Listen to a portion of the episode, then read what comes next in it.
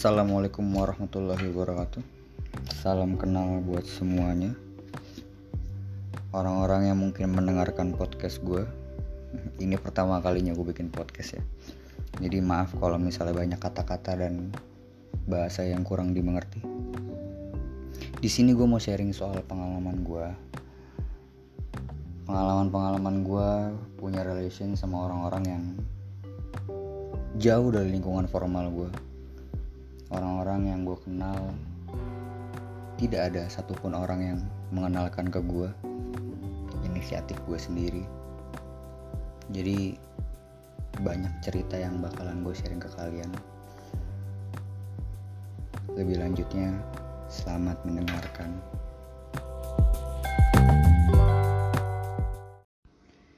Jadi di sini gue mau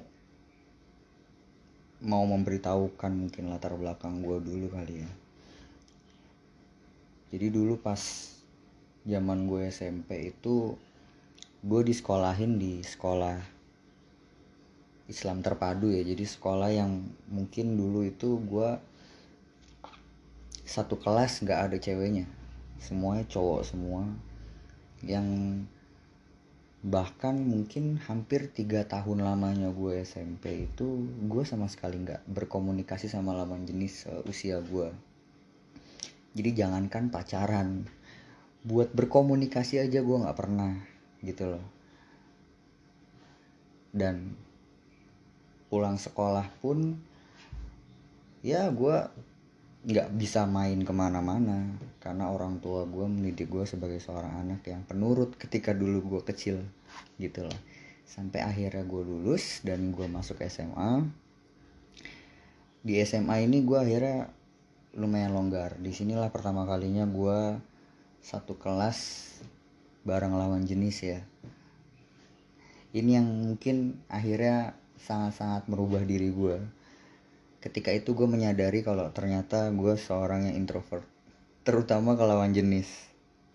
Jadi gue dulu itu tipe anak yang walaupun setiap hari bahkan waktu gue di kelas sama waktu gue di rumah lebih banyak waktu gue di sekolah. Dan gue selama tiga tahun gue nggak pernah ganti teman sekelas. Selama itu juga gue sama sekali nggak pernah berkomunikasi sama temen cewek gue di kelas. Itu akibat dari uh, pembentukan karakter gue pas gue SMP jadinya ya udah selama tiga tahun di sekolah ya gue jadi seorang yang introvert sama lawan jenis. Jadi karena kebanyakan temen gue cowok ya udah. Ketika teman-teman gue cowok yang lain bisa berkomunikasi dan bekerja sama ketika kerja kelompok dan lain-lain sama lawan jenis cuman gue doang yang nggak bisa gitu loh. Karena ya nggak tahu sih gue bener-bener nggak punya kemampuan sama sekali bahkan hanya untuk berkomunikasi sedikit pun sama lawan jenis gitu loh. Uh, itulah yang bikin gue jadinya berpikir kayak sepertinya gue rasa ini terlalu menghambat diri gue dan gue ngerasa kayak gue nggak bisa terus-terusan seperti ini gitu loh. Tapi mau gimana berkali-kali gue mencoba dan bagaimanapun juga gue tetap nggak bisa melawan keterbatasan itu. Nah sampai akhirnya lulus lah gue sekolah lulus gue SMA sampai akhirnya gue kuliah. Karena gue SD SMP SMA gue selalu dikekang sama orang tua gue gue minta kuliah itu uh, sesuai dengan apa yang gue mau gitu loh karena kan waktu, waktu masih sekolah kan mereka terus kan yang nentuin. Akhirnya pas kuliah gue yang nentuin. Tapi nyokap bokap gue ngasih gue syarat kalau emang gue boleh ngekos gue harus dapat negeri. Kalau gue swasta gue nggak boleh ngekos. Karena gue sadar kemampuan gue. Gue nggak sepinter-pinter amat buat bisa masuk negeri dan gue tahu gue juga nggak akan pernah mau daftar SBMPTN karena gue ngerasa itu buang-buang waktu jadinya ya sudah. Gue ambil jalan tengahnya. Ya udah bu nggak usah jauh-jauh. Masih jauh dari tabek aja. Tapi swasta dan boleh ngekos. Gue nggak nyangka ternyata orang tua gue nggak approve itu.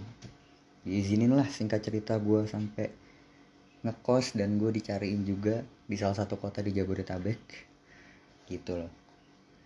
Ya gue sangat bangga sekali sih ketika itu karena ternyata orang tua gue akhirnya pertama kali mempercayakan gue buat tinggal di luar rumah jauh dari mereka. Dan itu dalam waktu yang lama. Seperti itulah ceritanya sampai akhirnya ketika gue pertama kalinya kuliah itu gue ngerasa